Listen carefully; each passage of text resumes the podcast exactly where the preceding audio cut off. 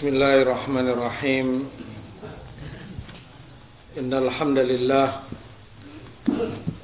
نحمده ونستعينه ونستغفره ونعوذ بالله من شرور أنفسنا وسيئات أعمالنا. من يهده الله فلا مضل له ومن يضلل فلا هادي له. أشهد أن لا إله إلا الله وحده لا شريك له وأشهد أن محمدا عبده ورسوله أما بعد. إخوتي في الله رحمني ورحمكم الله. Melanjutkan kajian kita Riyadhus Salihin karya Imam Abu Zakaria Yahya ibn Sharaf An-Nawawi rahimahullah masih pada bab tentang keutamaan rasa lapar wa khusyunatul aish keutamaan kehidupan yang kasar. Kasar dalam artian jauh dari kenikmatan jauh dari kemewahan dan mencukupkan diri dengan yang sedikit dari yang dimakan, yang diminum, yang dipakai, pakaian, dan segala yang menjadi bagian atau kebutuhan diri serta meninggalkan syahwat segala macam bentuk syahwat. Di dalam bab Imam Nawawi telah bawakan ayat antara lain di surat Maryam fakhalafa min ba'dihim khalfun adha'u ssalata wattaba'u syahawati fasawfa yalqawna ghayya. Tentang adha'u shalah wattaba'u syahawat telah kita lalui. Di ayat Allah mengancam mereka yang menyanyiakan sholat dan mengikuti syahwatnya mengikuti syahwat ini diriwayatkan dari Ali bin Abi Thalib radhiyallahu taala anhu. Beliau sebutkan yaitu orang yang membangun bangunan yang megah mewah mengendarai kendaraan yang dipandang artinya kendaraan yang juga mewah sehingga pandangan orang tertuju kepadanya dan menggunakan pakaian yang masyhur yang juga mewah sehingga tertarik pandangan orang kepadanya. Merekalah orang-orang yang mengikuti syahwatnya. Tentunya ini salah satu bagian dari makna ayat yang ditafsirkan Ali. Ghayya.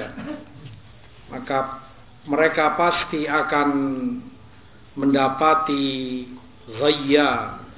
Ghayya kata Ibnu Zaid artinya syar kejelekan atau kesesatan atau kerugian. Dan makna berdekatan. Oh, mereka yang meninggalkan menyia-nyiakan sholat mengikuti syahwatnya akan mendapati kejelekan kesesatan dan kerugian. Atau ghayya kata Abdullah bin Mas'ud nama bagi suatu lembah di Jahannam billah. Kemudian Allah sebutkan illa man taba wa amila saliha faulaika yadkhuluna al-jannata wa la yudlamuna syai'a kecuali yang bertobat dia beramal dia beriman dan beramal saleh maka mereka masuk surga dan tidak didolimi sedikit pun bertobat dari menyanyiakan sholat bertobat dari mengikuti syahwatnya sehingga dia kembali kepada Allah, Robnya. Dia beriman dan beramal saleh. Maka mereka ini yang akan masuk surga dan tidak didolimi sedikit pun. Tidak dikurangi pahala amal soleh yang mereka lakukan sedikit pun. Bahkan satu kebaikan bagi mereka akan dicatat 10 kali lipat hingga 700 kali lipat. Ini pengecualian dari Allah dari mereka yang menyia-nyiakan sholat dan mengikuti hawa nafsunya yang selamat mereka yang kemudian berbenah diri, bertobat, beriman dan beramal saleh. Kemudian Imam Nawawi juga bawakan ayat di Al-Qasas 79 80 kharaja ala qaumihi fi zinati qala alladhina yuriduna al-hayata ad-dunya ya laita lana mithla ma utiya qarun innahu ladhu hadzin 'azim وقال الذين أوتوا العلم ويلكم ثواب الله خير لمن آمن وعمل صالحا Fakharaja ala qawmihi fi zinatih. Keluarlah dia kepada kaumnya dengan perhiasannya, kemewahan yang ada padanya. Maka berkata orang-orang yang menginginkan kehidupan dunia seandainya saja kita mendapati apa yang dimiliki oleh korun. Sungguh dia mendapati bagian yang sangat banyak. Tetapi berkata orang-orang yang berilmu celaka kalian. Justru pahala Allah itu lebih baik bagi orang yang beriman dan dia beramal saleh.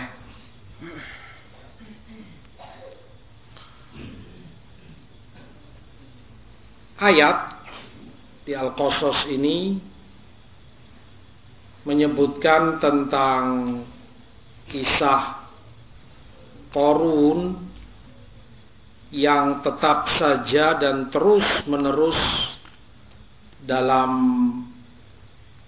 permusuhannya dan penentangannya kepada al-haq. Tetap saja dia nggak mau tunduk dan taat teruslah saja dia bermaksiat durhaka kepada Allah Rabbul Alamin tidak mau Korun tidak mau mendengar nasihat orang yang menginginkan kebaikan untuknya. Dia lebih bangga dengan apa yang ia miliki dari kelebihan dunia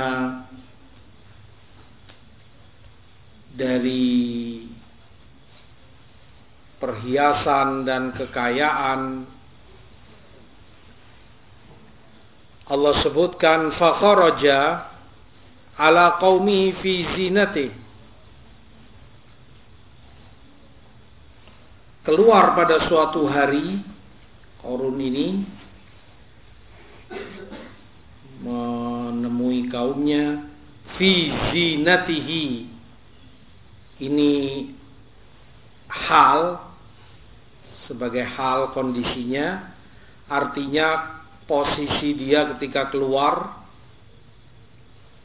dalam keadaan terbaik yang ia punya dengan penampilan termewah yang dia bisa dari segala yang ia miliki vizinate zina perhiasan dan kemewahan terbaik yang ia punya itu yang ia gunakan.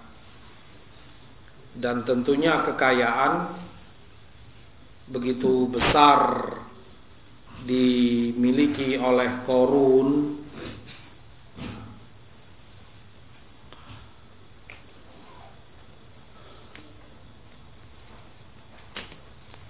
ia kumpulkan segala harta benda dan perhiasan dunia. Tentunya ketika keluar dalam kondisi seperti itu semua pandangan tertuju kepadanya. Dibanggakan dan disenangi oleh ahli dunia oleh orang-orang yang cinta dan tertipu dengan gemerlapnya dunia yang hiasan-hiasan duniawi semacam itu menguasai hati dan kolbu mereka maka orang-orang yang memandang korun menilai sesuai dengan apa yang ada pada kolbunya. Mereka berbicara sesuai dengan apa yang ada pada dirinya. Makanya disebutkan kullu ina'in bima fihi yamdah. Setiap bejana itu akan menuangkan sesuai isinya. Kalau isi bejana itu air, dia akan menuangkan air, keluar darinya air. Kalau yang di bejana itu isinya susu, ya dia akan menuangkan susu. Kalau isi bejana itu misalnya comberan, ya dia akan menuangkan comberan. Tergantung apa isinya maka terbagi kaumnya menjadi dua. Sekelompok orang-orang yang tertipu dan termakan oleh syahwat dan gemerlapnya dunia jauh dari iman jauh dari ilmu hampa dari amal saleh kolbu mereka hanya bergantung kepada dunia dan perhiasannya. Karena itu tujuan akhir dan satu-satunya bagi mereka. Tidak ada keinginan lain bagi mereka kecuali itu dunia. Ini yang mereka ucapkan. Qala alladziina yuridunal hayatad dunya Ya laitalana mislama utia korun. Seandainya kita mendapati punya apa yang dimiliki korun seperti tadi. Dia keluar dengan penampilan terbaiknya. Perhiasan termewah yang dia punya, pakaian terwah yang dia miliki wewangian dan segalanya sudah kendaraannya ini pokoknya dia kekayaannya seperti itu.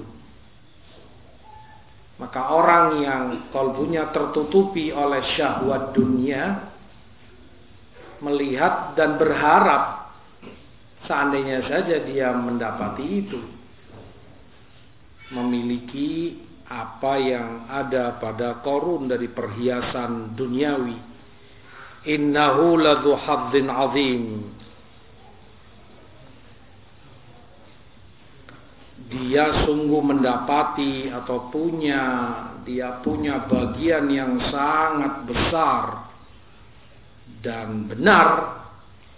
Dari satu sisi memang bagian dia banyak sekali besar. Kalau saja perkaranya berhenti pada ambisi manusia. Kalau saja perkaranya hanya ada dunia dan tidak ada sesuatu lagi di belakang itu. Tidak ada kubur, tidak ada barzakh, tidak ada akhirat. Maka sungguh bagian korun sangat besar sekali sangat banyak dan luar biasa. Karena memang diberikan kepadanya segala bentuk kenikmatan duniawi sehingga mampu dengannya ia lakukan, ia pakai, ia makan, ia kendarai sesuatu yang termewah, termahal, terhebat, terbagus yang dia inginkan di kehidupan dunianya. Begitulah jika himmah seseorang jika ambisi dan pikiran seseorang tujuan dan yang menguasai dirinya yang menguasai hatinya terkungkung pada dunia dan itu segala-galanya tentunya itu bagi dia segala-galanya karena tidak ada lagi tujuan lain baginya tidak ada yang lebih tinggi tidak ada yang lebih mulia baginya. Maka dunia ya segala-galanya seperti yang mereka ucapkan la azim. Betapa besarnya, betapa banyaknya. Luar biasa sudah yang dimiliki oleh Korun tentunya. Karena orang-orang ini yang Allah sebutkan yuridunal hayatad dunya hanya menginginkan kehidupan dunia, nggak ada bagi mereka kepentingan akhirat yang jauh lebih tinggi, jauh lebih mulia dan kekal abadi. Nggak ada bagi mereka. Kalau saja mereka ingat dan tahu tentang akhirat, nggak akan dia katakan hadun azim bagiannya sangat besar, sangat mengingat akhirat, dia akan melihat begitu kecilnya dunia. Kalau dia ingat akhirat, kalau dia ingat kubur, bagi dia nggak ada nilainya dunia. Tetapi begitulah ucapan orang yang kosong kolbunya dari ilmu, dari iman, dan dari amal saleh ini satu kelompok. Kelompok lain yang Allah sebutkan waqala alladziina utul ilm. Berkata orang-orang yang berilmu, yang diberi ilmu sehingga faham dan mengerti hakikat dunia seperti apa di sisi penciptanya bahkan.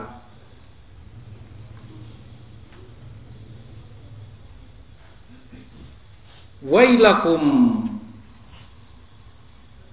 Mereka katakan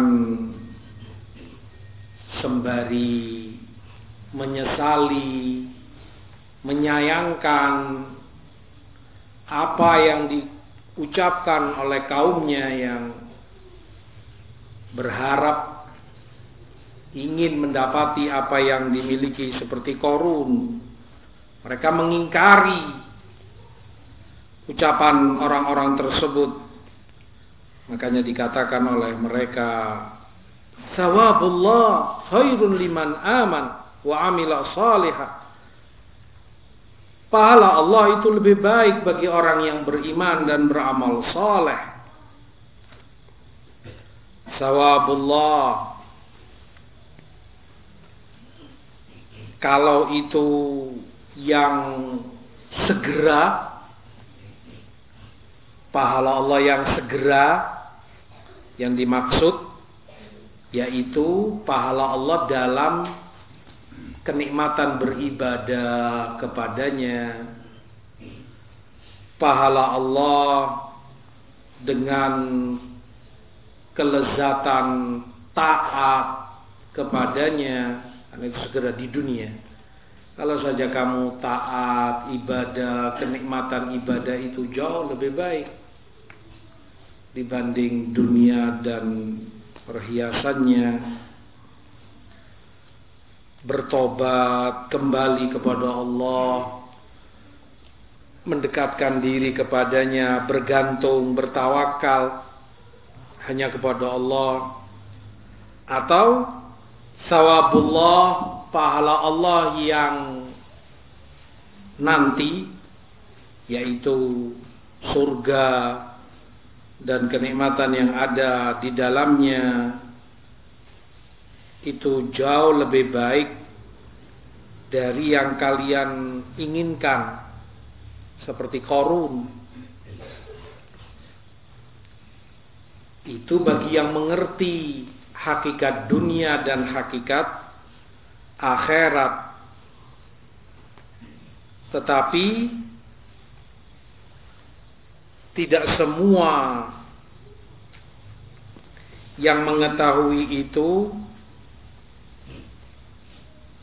bisa memprioritaskan yang lebih tinggi, yang lebih baik dari yang lebih rendah. Makanya hanya orang-orang yang bersabar yang bisa mendapatkan itu.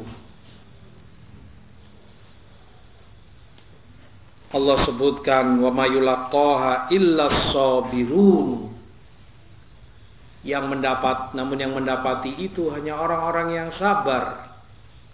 Mungkin sebagian orang tahu, yakin dia bahwa akhirat jauh lebih baik.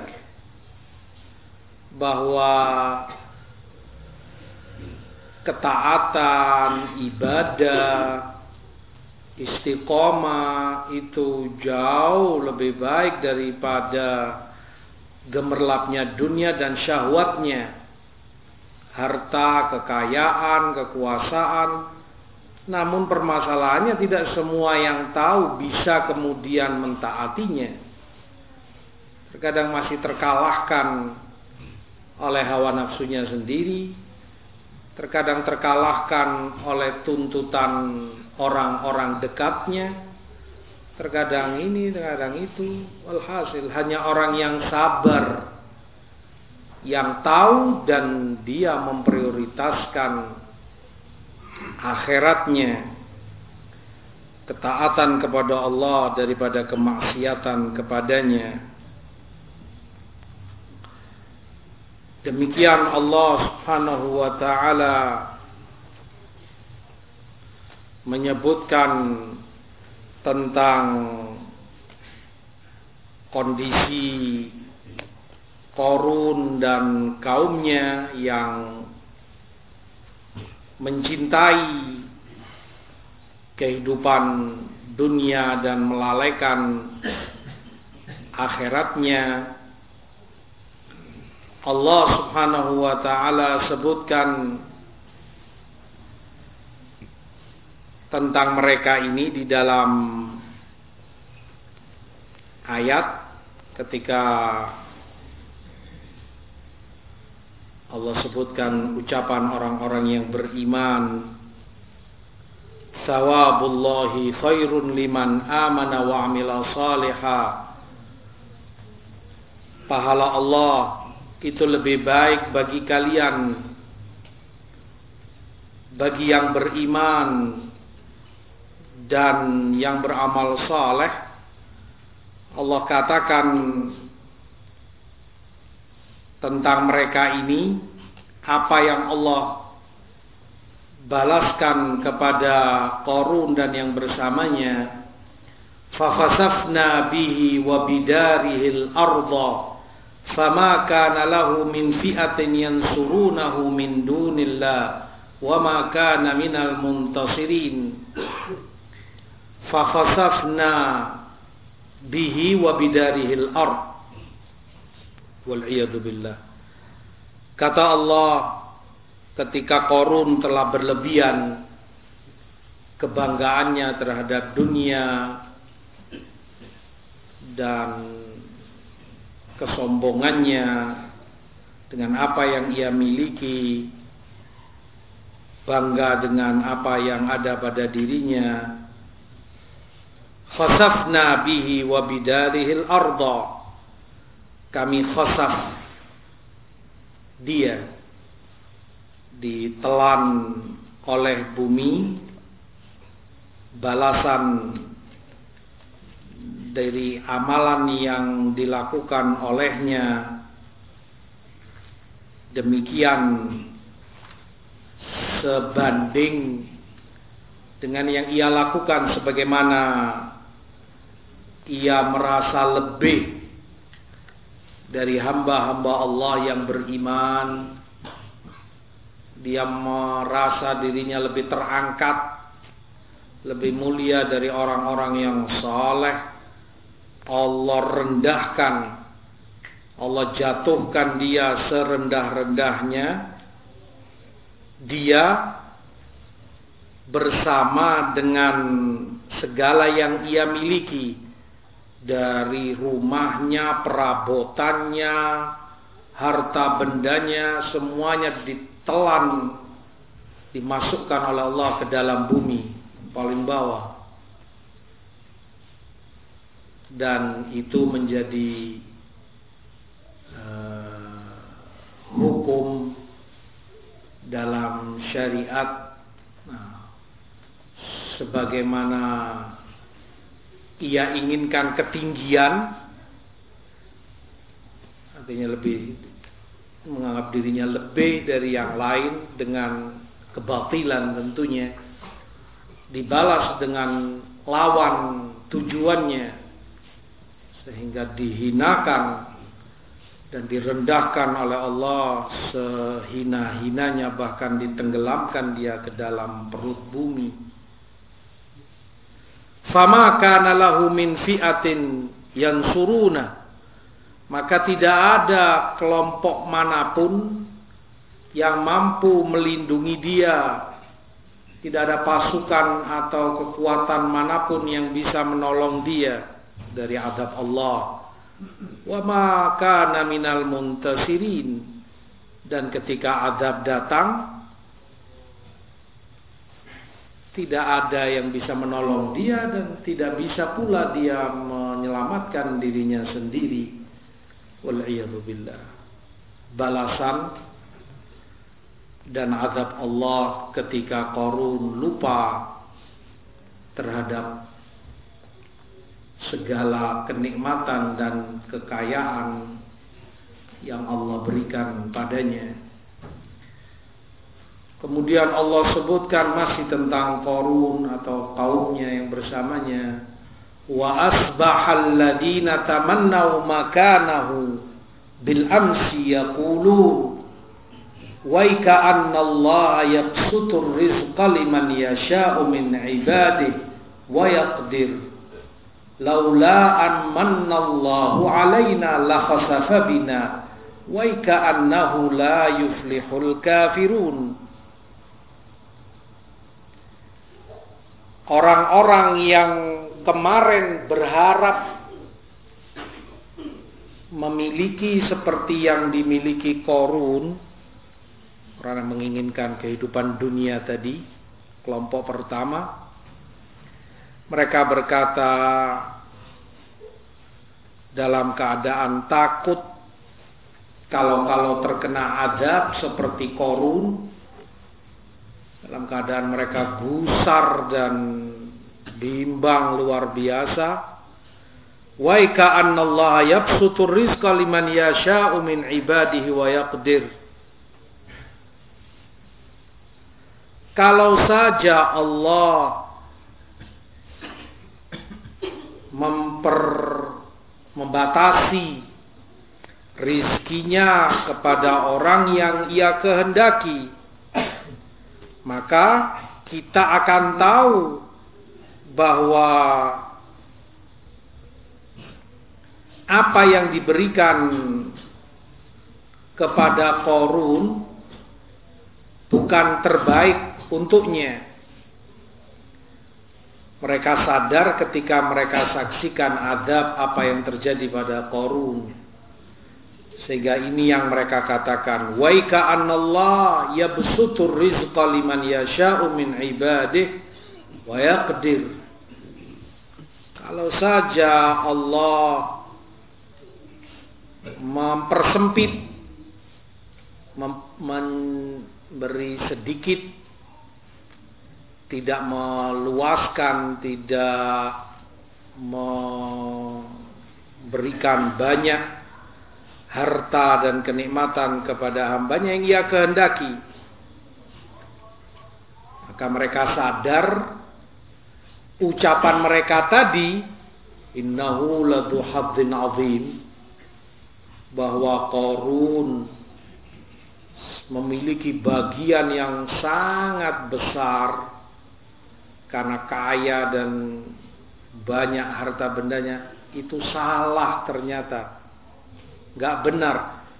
Adanya harta benda gemerlapnya kehidupan dan mewahnya kenikmatan dunia bukan bukti kebaikan seseorang.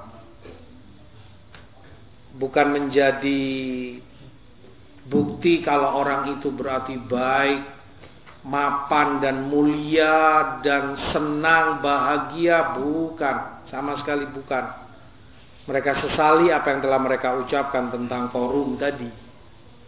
Nggak benar ternyata semua itu. Laula amannallahu alaina. Kalau saja Allah tidak berikan minnah kepada kita di mana Allah seandainya azab kita karena ucapan kita tadi tentang korun lakhasafabina maka kita pun akan ditenggelamkan ke dalam bumi seperti yang diperlakukan kepada korun betul-betul mereka mengambil ibrah mengambil pelajaran dan demikian kehancuran korun dan segala harta benda dan kenikmatan dunia yang ia miliki.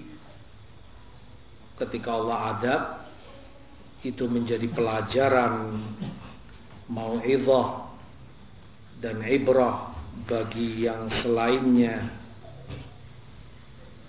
Dan perhatikan betapa mereka sangat menyesali apa yang telah mereka ucapkan di awal. Bagaimana mereka berubah pikiran, berharap. Nah, kalau dia tidak mendapati harta yang berlimpah luas seperti yang diberikan oleh korun betul-betul menjadi uh, cambukan berat bagi mereka pelajaran besar. Apa yang terjadi pada korun? Asyahid di dalam ayat bahwa Allah Subhanahu wa taala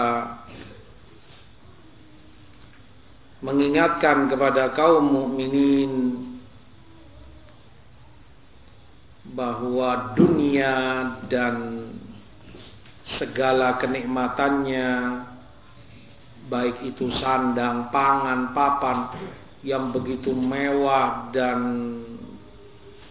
di atas rata-rata segala kenikmatan bukan pertanda kebaikan seseorang bukan menjadi ukuran kebahagiaan seseorang apalagi untuk dia menjadi orang yang mulia di sisi Allah. Tidak.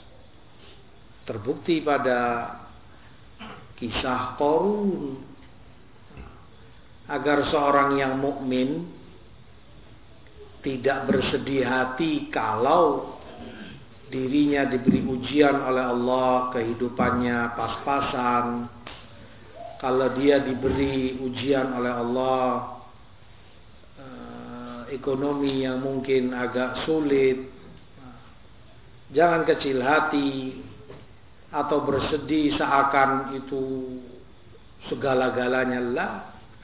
Makanya Ibn Mas'ud katakan di Adabul Mufrad Bukhari, Inna Allah yu'ti dunya man yuhibbu wa man la yuhib, wa la yu'ti din illa man yuhib. Allah itu memberikan dunia kepada yang Allah cintai juga kepada orang yang tidak Allah cintai. Sehingga bukan pertanda kecintaan Allah bukan segala-galanya. Tetapi agama kata Abdullah bin Mas'ud tidak akan Allah berikan kecuali pada orang yang ia cintai. Iman, ilmu, amal saleh, ketaatan, ibadah, istiqomah, hidayah, itu segala-galanya jika kamu sadari itu ada pada dirimu, fahmadillah. Bersyukurlah kepada Allah bahwa kamu dipilih oleh Allah, dipercaya orang yang ia cintai. Enggak semua orang Allah berikan itu padanya. Tapi dunia Allah berikan terbukti kepada kufar, kepada musyrikin, korun, dan bala tentaranya, Fir'aun dan ahli dunia sudah kalau mau tahu sendiri seperti apa. Bukan dalih, bukan bukti, bukan pertanda Allah cinta kepadanya yang memiliki gemerlapnya kehidupan duniawi. Tetapi agama jika itu ada pada seorang hamba sadari itu kenikmatan besar Allah percayakan padamu. Allah pilih kamu salah satu dari sekian hambanya yang mendapat kenikmatan terbesar itu. Bersyukurlah dan istiqomahlah padanya. Kemudian ayat ketiga dibawakan oleh Imam Nawawi rahimahullah. Tilka darul akhiratu naj'aluha lil ladina la yuriduna 'uluwan fil ardi wal aqibatu lil muttaqin.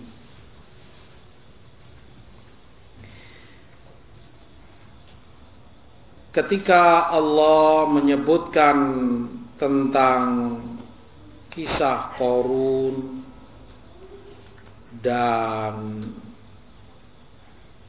apa yang ia miliki dari harta benda dan kenikmatan duniawi serta hasil akhir azab yang menimpa dirinya serta tadi kisah orang-orang yang beriman yang mengingatkan kaumnya sawabullah khair. Pahala Allah itu yang lebih baik bagi yang beriman dan beramal saleh. Maka di ayat ini Allah kabarkan tentang sebab yang dengannya orang akan mendapatkan keutamaan itu. Tilka darul akhirah. Itulah kampung akhirat yang Allah sebutkan tentang keabadiannya, kenikmatan dan segala kebaikan yang ada padanya disampaikan melalui lisan para rasulnya.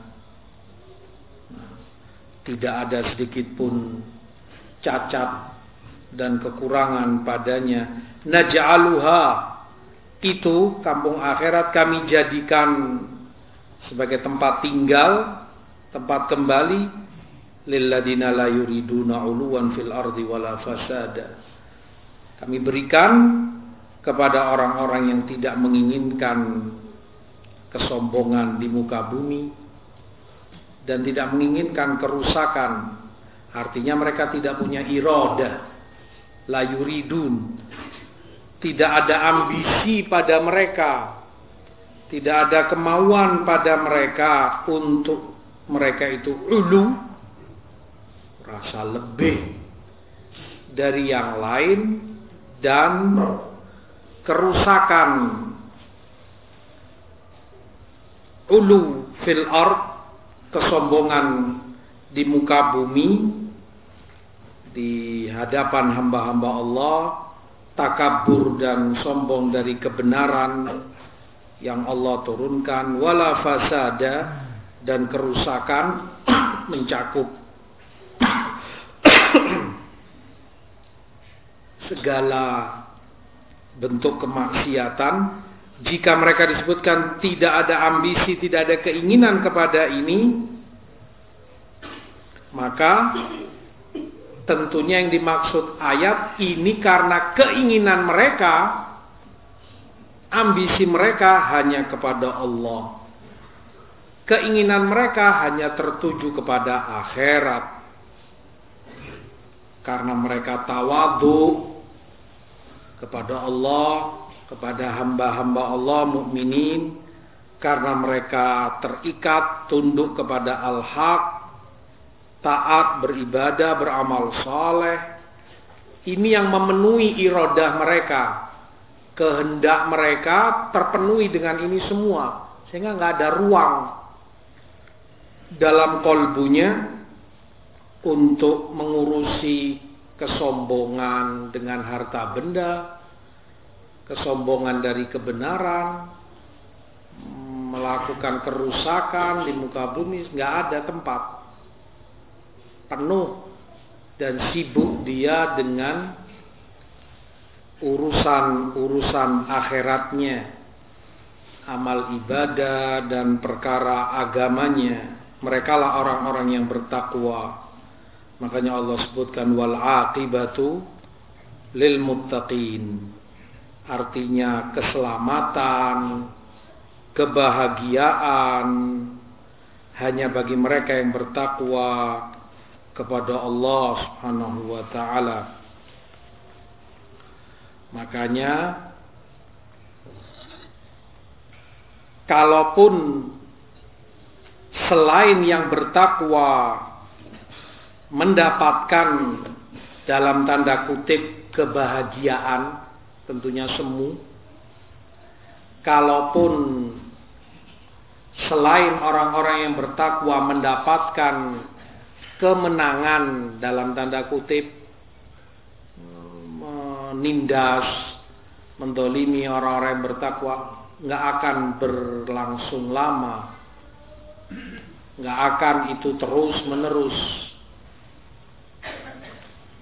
Pasti itu akan lewat dan akan datang waktunya.